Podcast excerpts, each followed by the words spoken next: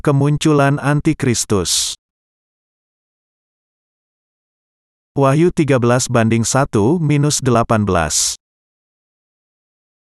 Berdasarkan bagian utama tadi, sekarang saya akan berbicara mengenai kemunculan Antikristus dan kemartiran orang-orang kudus. Dalam pasal 13 kita melihat ada binatang yang keluar dari dalam laut. Binatang ini, yang memiliki sepuluh tanduk dan tujuh kepala, tidaklah lain dari antikristus itu. Bagian itu menjelaskan kepada kita bahwa di tanduk binatang itu ada sepuluh mahkota, dan di kepalanya ada nama hujat. Kita juga diberitahu bahwa binatang ini adalah seperti macan tutul, dengan kaki seperti kaki beruang, dan mulutnya seperti mulut singa. Sebagai tambahan, naga memberikan kepadanya kuasa, mahkota, dan kedaulatannya yang besar. Salah satu dari kepalanya akan terluka parah, tetapi luka yang mematikan ini akan secara ajaib sembuh. Takjub akan hal ini, seluruh dunia akan mulai mengikuti binatang itu, dan karena ia diberi kedaulatan oleh naga, mereka akan menyembah naga dan binatang itu bersama-sama, dan berkata, Siapa yang seperti binatang ini? Siapa yang bisa berperang melawan dia? Bagian itu juga menjelaskan kepada kita bahwa binatang itu diberi mulut untuk mengucapkan hal-hal dan penghujatan besar, dan kedaulatan untuk melanjutkan pekerjaannya selama 42 bulan. Binatang yang keluar dari dalam laut Yang dilihat oleh Rasul Yohanes adalah kemunculan antikristus dari antara para penguasa di dunia yang ada di masa akhir zaman. Antikristus itu adalah binatang yang keluar dari laut, monster dengan sepuluh tanduk dan tujuh kepala. Kita terlebih dahulu harus mengetahui apakah binatang ini memang binatang yang sesungguhnya yang akan muncul di dunia ini. Ada dua hal penting yang dari binatang ini yang menarik bagi kita. Pertama, apakah binatang ini binatang yang sungguh-sungguh yang akan muncul di dunia dan membunuh banyak orang? Dan kedua, apakah binatang ini tidak menunjuk kepada antikristus si penguasa jahat yang akan muncul dari antara para pemimpin dunia? Ini adalah beberapa isu yang menarik perhatian orang. Orang-orang yang memahami tentang isu ini mungkin akan mengatakan bahwa hal ini mudah untuk dipahami.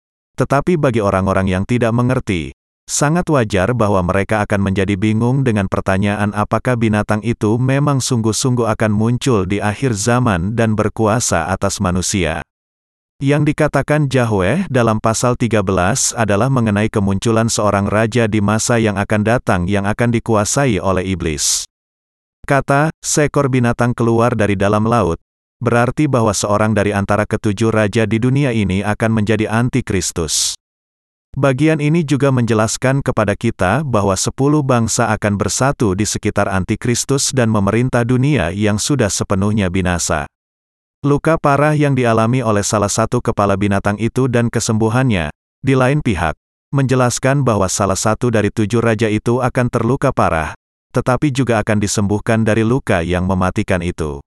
Raja ini akan dianggap mati secara medis, tetapi secara ajaib ia dihidupkan kembali, dan kemudian bertindak sebagaimana naga itu. Naga di sini menunjuk kepada iblis. Sebagaimana naga, binatang itu juga akan memiliki segala kedaulatan untuk membinasakan dan menganiaya manusia. Ketika akhir zaman tiba, manusia yang seperti binatang itu akan membuat kemunculannya di dunia ini dan membinasakan banyak orang, seganas Godzilla yang ada di film.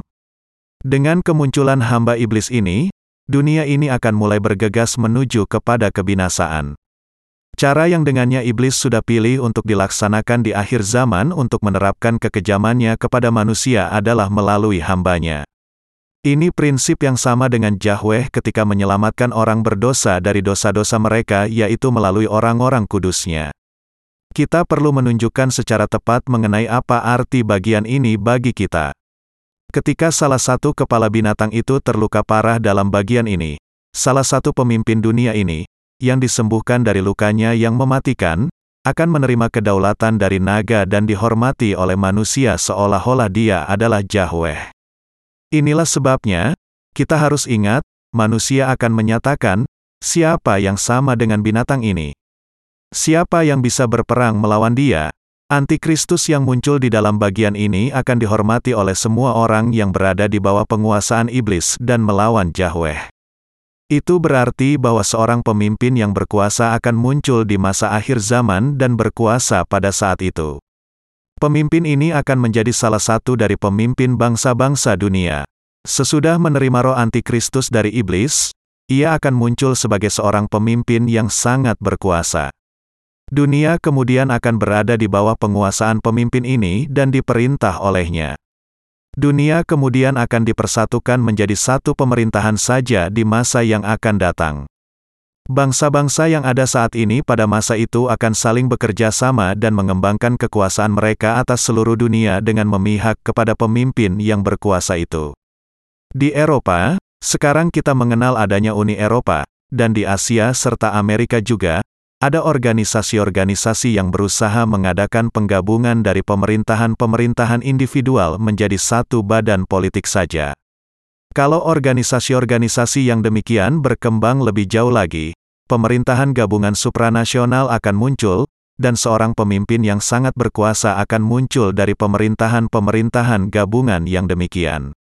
Pemimpin ini akan memainkan peranan sebagai antikristus yang berdiri melawan Yahweh. Ia akan menjadi pemimpin karismatis dengan kuasa untuk memerintah dan menindas seluruh dunia sebagaimana yang dikehendakinya. Mengapa? Karena dengan menerima kemampuan dan kekuasaan yang besar dari naga, iblis, hikmatnya akan berbeda dengan yang dimiliki orang-orang biasa, dan pikirannya juga akan menjadi berbeda dengan lainnya. Hikmat dan kuasanya akan mencapai langit. Apa saja yang dikatakannya akan digenapi tanpa mengalami masalah, dan tidak ada seorang pun yang berani menginginkan tempatnya.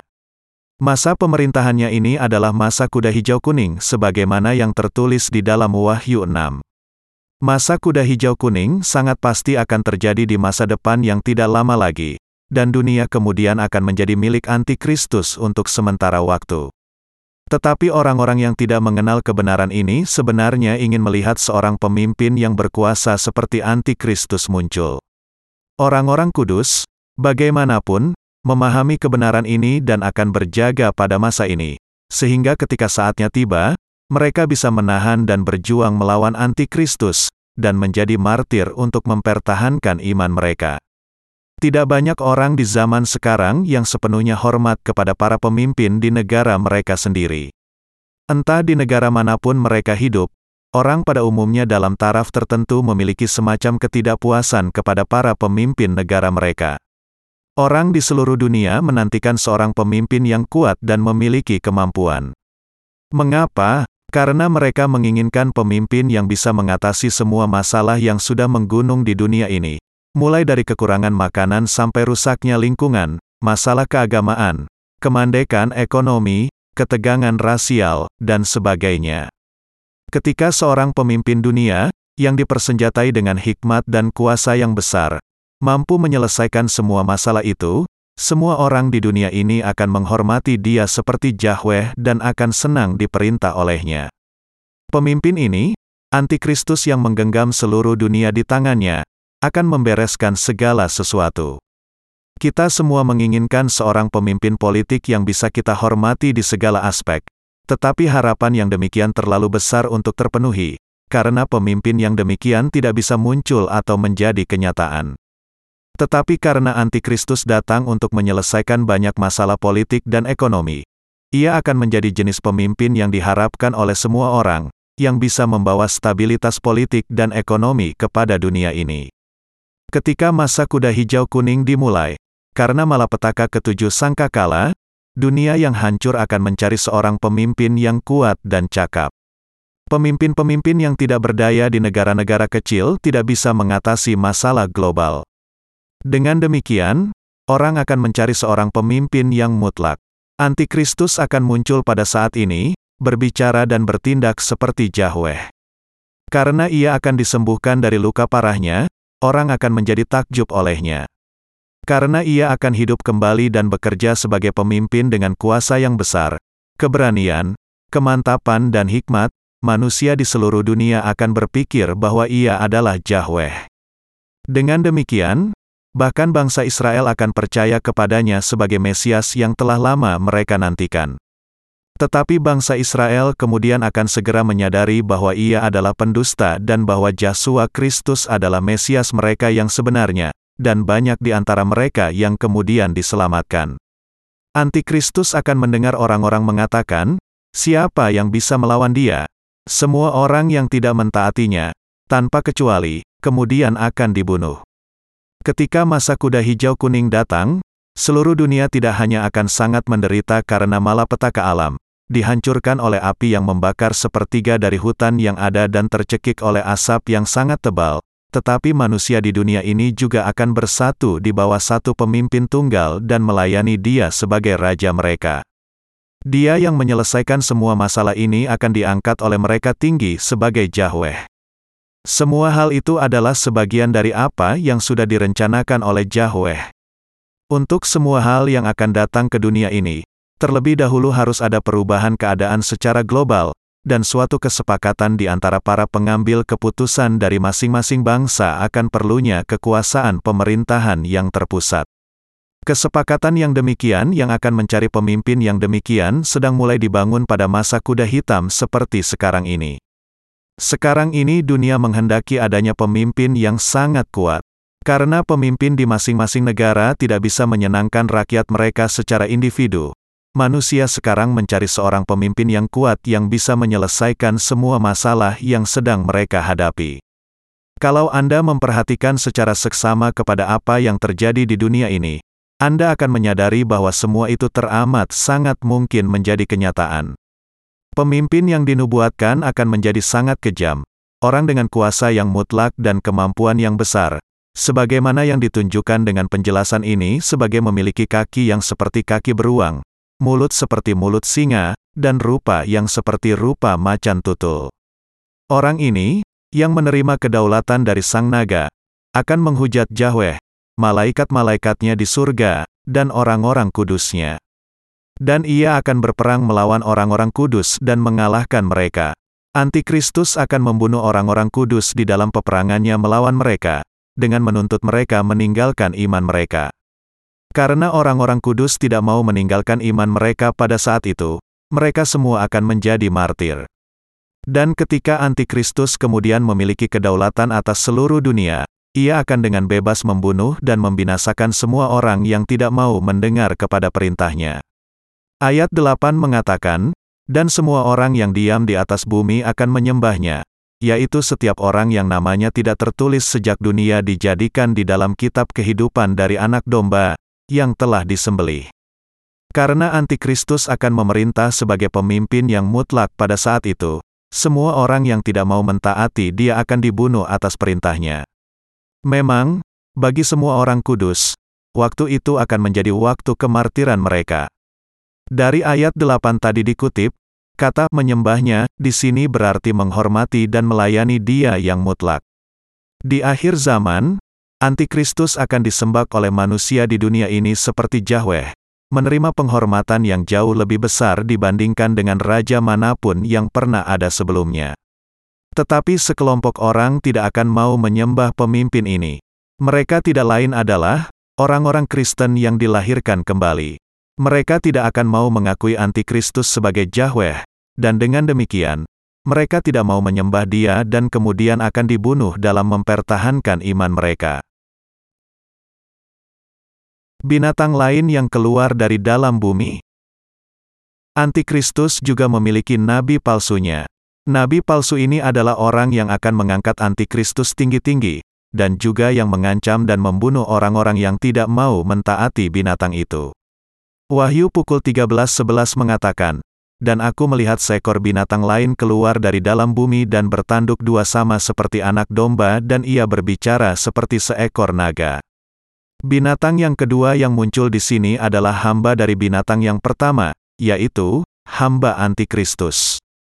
Seperti antikristus, ia juga akan melawan Yahweh dan membunuh manusia di dunia ini dan orang-orang benar.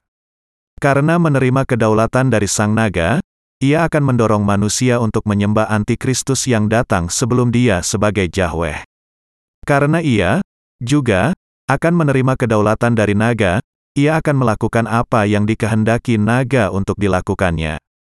Ia tidak hanya akan membuat manusia menyembah antikristus yang datang sebelum dia dan membunuh semua yang tidak taat kepadanya. Tetapi ia juga akan melakukan mujizat-mujizat, seperti menurunkan api dari langit, dan bahkan bertindak seperti antikristus. Ia akan mendewakan dan mengilahian binatang itu, yang akan memiliki luka yang sangat parah tetapi disembuhkan dari penyakitnya, di hadapan semua orang. Siapa, kemudian, yang akan melakukan semuanya itu? Dia adalah nabi dari antikristus itu. Pekerjaannya adalah untuk membuat patung antikristus yang datang sebelum dia dan menyuruh manusia menjunjung antikristus tinggi sebagai Yahweh. Untuk itu, ia akan menghidupkan patung antikristus ini dan membuatnya berbicara, dan membunuh semua orang yang tidak menyembah patung dari binatang ini seberapapun banyaknya jumlah mereka. Karena orang-orang kudus akan menjadi martir dengan menolak untuk menyembah ilah itu, martir dalam jumlah yang tidak terhitung banyaknya akan terjadi pada saat ini. Semua manusia di dunia ini yang tidak dilahirkan kembali, di lain pihak, akan gemetar di hadapan kematian mereka dan kemudian menjadi hamba kematian. Dengan demikian, mereka semua akan menyembah antikristus sebagai Yahweh mereka. Para intelektual yang memiliki hati nurani mungkin akan mengadakan pemberontakan melawan diktator itu. Tetapi mereka dengan segera dikalahkan, dibunuh oleh api yang keluar dari mulut nabi palsu dan antikristus. Nabi palsu ini, sesudah membangun patung itu, akan mengatakan, semua orang harus menerima tanda nama atau bilangannya. Ia kemudian akan membuat keputusan yang melarang siapa saja yang tidak memiliki tanda binatang itu untuk melakukan perdagangan, sehingga semua orang memang akan menerima tanda dari nama binatang itu. Ayat 18 mengatakan, yang penting di sini ialah hikmat, barang siapa yang bijaksana, baiklah ia menghitung bilangan binatang itu, karena bilangan itu adalah bilangan seorang manusia, dan bilangannya ialah 666. Ini mungkin terlalu langsung. Meski kita berpikir bahwa angka 666 itu sesuatu yang membingungkan, hal itu hanyalah sekedar arti dari nama antikristus, atau bilangannya. Untuk menerima tanda dari binatang itu juga berarti menerima tanda namanya baik di dahi maupun di tangan kanannya. Hal itu dilakukan dengan mencetak nama pemimpin itu ke tubuh seseorang, menjadikannya sebagai bilangan dan menjadikan digital menjadi suatu barcode. Tanda ini akan dibutuhkan di mana saha setiap kali seseorang berusaha untuk membeli sesuatu. Bahkan ketika Anda naik bis, Anda membutuhkan bilangan digital ini tercetak di tubuh Anda, dan tampaknya Anda tidak akan diizinkan. Saat ini adalah saat digital yang seperti ini. Ini adalah masa bilangan. Segala sesuatu sudah diterjemahkan menjadi bilangan, apa yang tadinya sangat rumit sekarang menjadi sangat sederhana. Di dalam masa yang demikianlah akan muncul tanda dari binatang ini. Antikristus kemudian akan membuat patung dirinya dan menuntut agar orang menyembah dia seperti Yahweh. Masanya akan sungguh-sungguh datang ketika manusia akan dituntut untuk menyebut antikristus sebagai Yahweh, mereka, memuji dan menyebut namanya dengan hormat, dan menerima namanya di tangan kanan atau di dahinya. Ketika hal yang demikian terjadi, orang-orang kudus semuanya akan menjadi martir. Antikristus akan menuntut orang-orang kudus untuk menerima tandanya dan menyembah dia, sambil mengatakan, jadi kamu percaya kepada Yesua. Kamu percaya kepadanya sebagai Yahwehmu. Buang dia jauh-jauh, tunduklah kepada patungku dan sebut aku sebagai Yahweh. Percaya kepadaku sebagai yang mutlak. Kalau tidak, pasti kamu akan dibunuh. Antikristus akan menuntut iman yang sama di seluruh dunia. Dan ia akan menuntut semua orang untuk menyembahnya sebagai Yahweh. Orang-orang yang tidak mau mengakui bahwa ia adalah Yahweh pada saat itu akan dibunuh. Antikristus akan mengeksekusi orang-orang kudus yang melawan dia di depan umum. Semua orang yang namanya tidak tercatat di dalam kitab kehidupan anak domba akan menerima tanda itu dan menyembah dia. Ketika kita menerima pengampunan dosa ke dalam hati kita, Roh Kudus berdiam di dalam kita, dan nama kita tertulis di dalam kitab kehidupan di kerajaan surga. Karena nama kita tertulis di dalam kitab kehidupan dan karena Roh Kudus sudah memeteraikan hati kita, kita semua akan diangkat menjadi anak-anak Yahweh ketika Ia memanggil kita. Bisakah kita meninggalkan Yesus Kristus yang sudah menyelamatkan kita, dan menyatakan di depan patung binatang itu bahwa ia sekarang adalah Yahweh dan Juru Selamat kita? Tentu saja tidak, tidak peduli bagaimana lemahnya kita di hadapannya. Tuhan kita datang ke dunia ini dalam rupa manusia, membasuh segala dosa kita dengan menanggung semuanya ke atas dirinya dengan baptisannya, dan menyelamatkan kita dengan menanggung hukuman menggantikan kita di kayu salib. Juga, karena Tuhan kita sudah memberitahukan kepada kita segala sesuatu yang akan terjadi, kita orang-orang kudus tidak akan pernah bisa mengkhianati iman kita selama masa antikristus ini. Meskipun masa kesengsaraan akan datang kepada kita dan diikuti dengan kematian kita, kita masih percaya bahwa Tuhan kita akan membuat kita hidup di dalam kerajaan surganya dengan membangkitkan dan mengangkat kita segera setelah kemartiran kita. Karena kita percaya bahwa setelah pengangkatan kita Yahweh akan membinasakan dunia ini dengan mencurahkan malapetaka ketujuh cawan darinya, dan bahwa setelah itu kita akan turun ke dunia ini untuk memerintah selama seribu tahun, kita tidak akan pernah bersujud di hadapan patung itu. Inilah sebabnya orang-orang kudus dan para hamba Yahweh akan dengan rela menyerahkan nyawa mereka. Nabi palsu kemudian akan berusaha untuk meyakinkan kita akan hal sebaliknya. Ia akan berusaha membeli kita dengan mengatakan, Lihat, kekacauan sedang merajalela di dunia ini sekarang.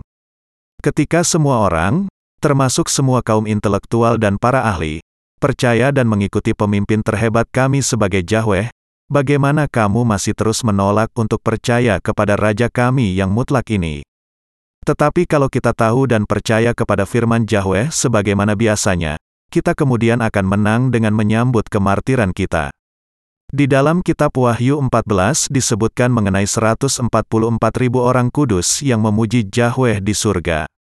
Ini menjelaskan tentang kebangkitan dan pengangkatan orang-orang kudus setelah terjadinya kemartiran mereka. Dari bagian lain di dalam Alkitab, seperti yang dikatakan Paulus kepada kita tentang kedatangan Kristus yang kedua kali atau yang dinubuatkan oleh para hamba Yahweh yang lain di dalam perjanjian lama, kita juga bisa menemukan penjelasan mengenai pengangkatan, yang dengannya orang-orang kudus akan diangkat ke angkasa dan mengikuti perjamuan kawin anak domba dengan Tuhan. Ke dalam perjamuan kawin inilah orang-orang kudus akan masuk. Ketika orang-orang kudus kemudian masuk ke dalam perjamuan kawin anak domba di surga, malapetaka ketujuh cawan akan dicurahkan ke atas bumi, sepenuhnya membuatnya hancur. Setelah itu, dunia ini akan diperbaharui, dan orang-orang kudus kemudian akan turun ke sana bersama dengan Tuhan dan memerintah di dalam kerajaan Kristus selama seribu tahun selanjutnya. Ketika kita memahami semua kenyataan ini, Bisakah kita sungguh-sungguh menyebut antikristus sebagai Yahweh, meskipun ia melemparkan semua godaan dan bujukan untuk membuat kita bersujud di hadapan patungnya, menyembah dia sebagai Yahweh, dan meninggalkan iman kita kepada Yahweh yang benar? Tentu saja tidak. Sebagaimana yang tertulis di dalam Alkitab, iman adalah dasar dari segala sesuatu yang kita harapkan dan bukti dari segala sesuatu yang tidak kita lihat. Ibrani 11 banding 1 nabi-nabi percaya kepada apa yang dikatakan Yahweh kepada mereka sebelumnya mengenai hal-hal yang akan datang. Para hamba dan umat Yahweh yang percaya kepada firman semuanya adalah para imam dan nabi. Dengan membuat kita memberitakan Injil pengampunan dosa kepada semua manusia di seluruh dunia, Yahweh membawa banyak jiwa untuk menerima pengampunan dosa mereka. Karena Tuhan sudah menyelamatkan kita meski bagaimanapun kelemahan kita di hadapannya, Yahweh sudah menjadikan kita sebagai umatnya, dan sampai saat ini, ia sudah mengasihi, menuntun, dan memberkati kita dengan tidak berubah. Tuhan bukan hanya memberikan kepada kita kedamaian bagi jiwa kita, tetapi ia juga sudah menyediakan tempat pengharapan bagi kita di dalam kerajaan surga dengan memberikan kepada kita roh kudus. Dengan demikian, ketika kita mendengar antikristus menyuruh kita menyembah dia sebagai Yahweh, kita tidak bisa tidak melawan dia dari kedalaman hati kita. Mungkin pertama-tama kita terkejut dengan terjadinya peristiwa-peristiwa ketika kita tiba-tiba menyadari bahwa masa yang dikatakan oleh Yahweh pada akhirnya sudah tiba. Tetapi kita orang-orang kudus kemudian akan mendapatkan ketenangan kita kembali dan mulai melawan antikristus. Jadi kamu pikir kalau kamu itu Yahweh? Apakah kamu menciptakan alam semesta ini? Apakah kamu menciptakan manusia? Apakah kamu sungguh-sungguh penguasa jiwa manusia?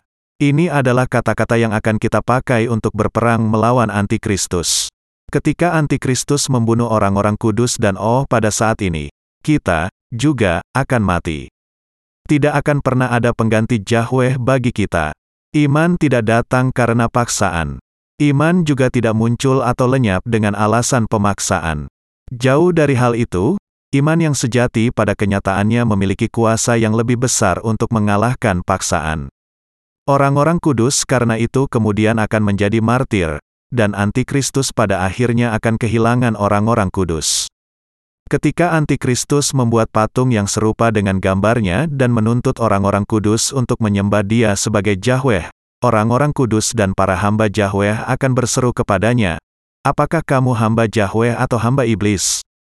Apakah kamu mengenal Injil air dan roh? Apakah kamu mengenal dan percaya bahwa Yesus Kristus adalah Yahweh? Ketika Yesus Kristus datang kembali ke dunia ini, ia akan membuang orang-orang sepertimu ke dalam api neraka yang paling dalam. Apakah kamu mengerti, wahai anak iblis?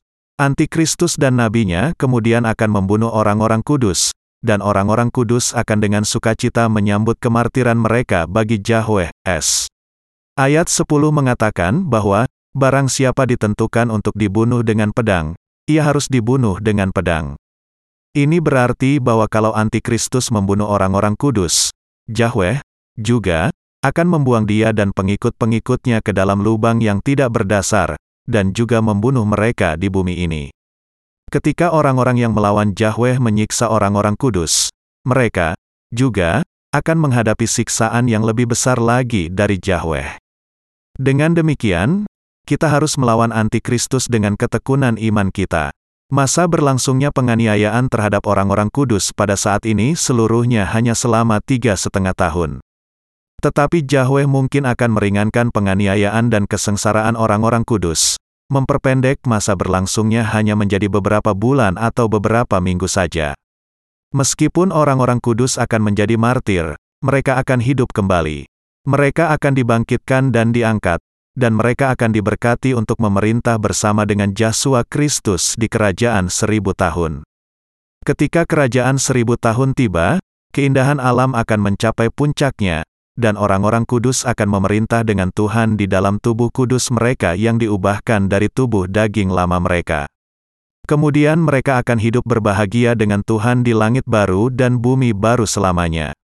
Bagaimana mungkin kita yang mengenal dan percaya kepada semua hal ini tidak bertekun melalui penderitaan yang hanya sementara yang akan datang kepada kita karena iman kita kepada Yesus.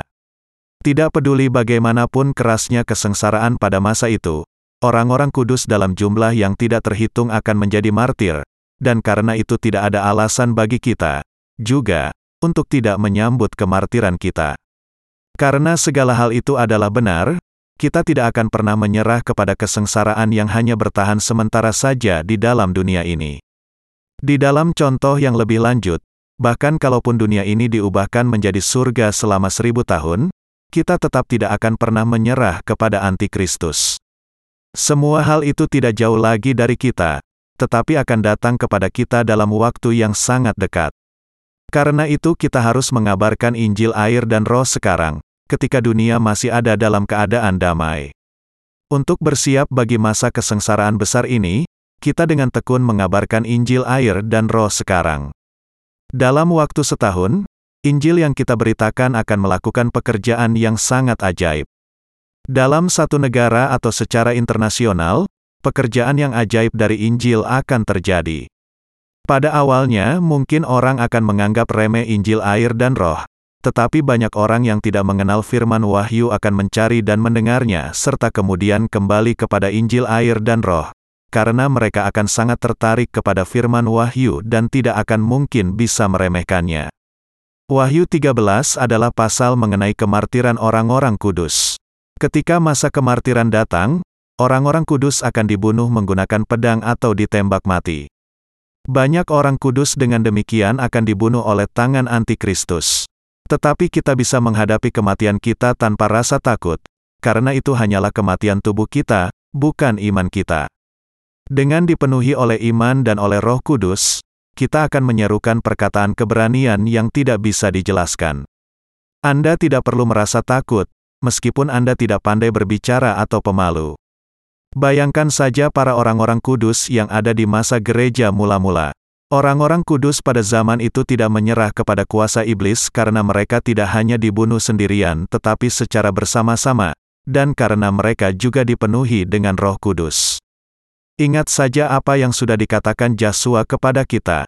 Apabila mereka menyerahkan kamu, janganlah kamu khawatir akan bagaimana dan akan apa yang harus kamu katakan, karena semuanya itu akan dikaruniakan kepadamu pada saat itu juga.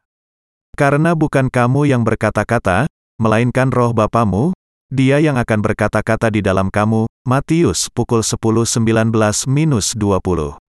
Untuk menerima kerajaan Yahweh, tidak bisakah kita, sebagai umat Yahweh, menanggung kematian kita?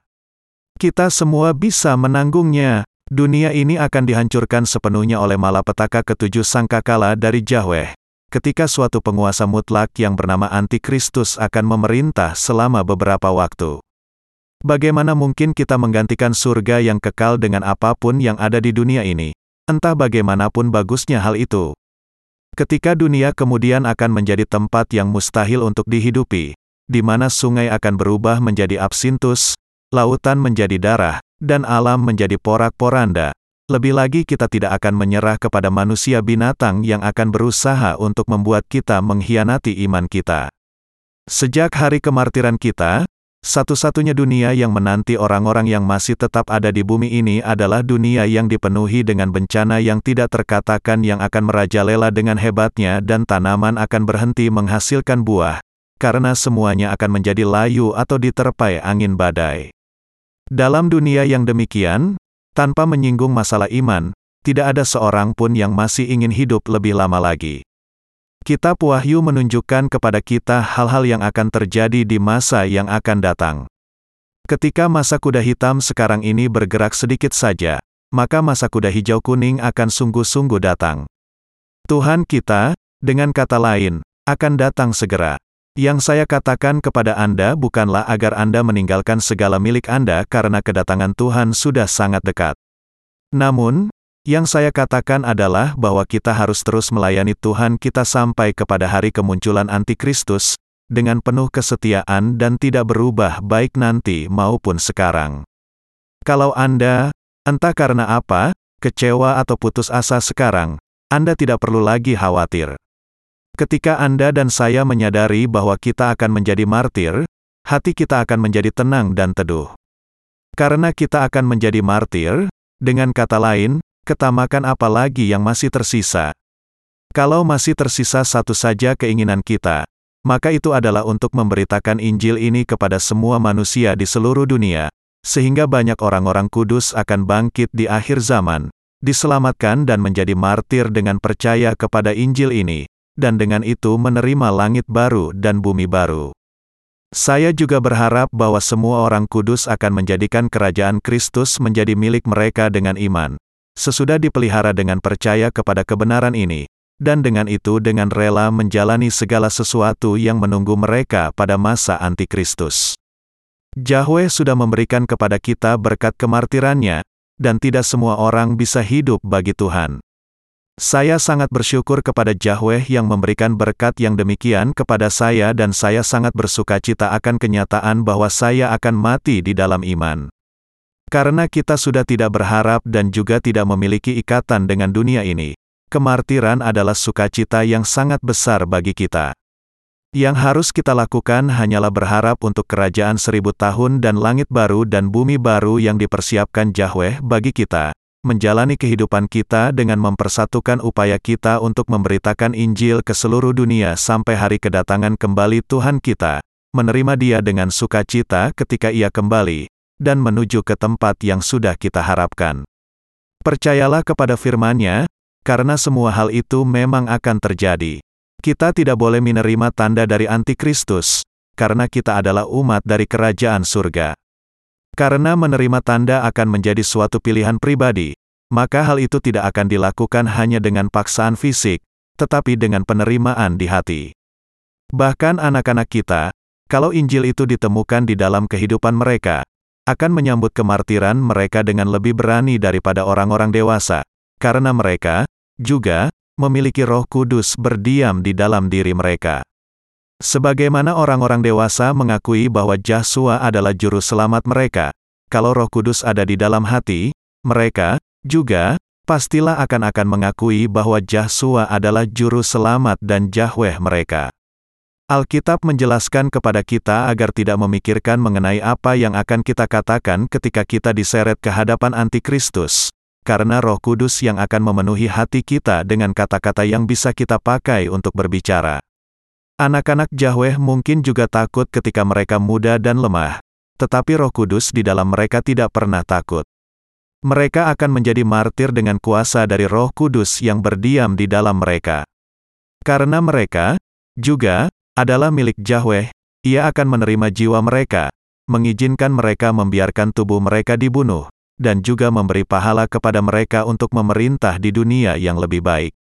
Yahweh akan memenuhi hati orang-orang yang dilahirkan kembali oleh air dan roh dengan firman-Nya untuk berkata-kata. Karena hanya jiwa-jiwa yang sudah dipilih dan diterima oleh Yahweh yang bisa menjadi martir, Yahweh tidak bisa tidak mempersiapkan iman mereka demi namanya. Hanya dengan kenyataan bahwa kita sudah memiliki Roh Kudus berdiam di dalam diri kita karena sudah percaya kepada Injil air dan Roh, kita semua akan menerima pahala berupa kerajaan seribu tahun dan kemuliaan dari langit baru dan bumi baru. Di akhir zaman, kita akan mengalami kepenuhan Roh Kudus di dalam hati kita.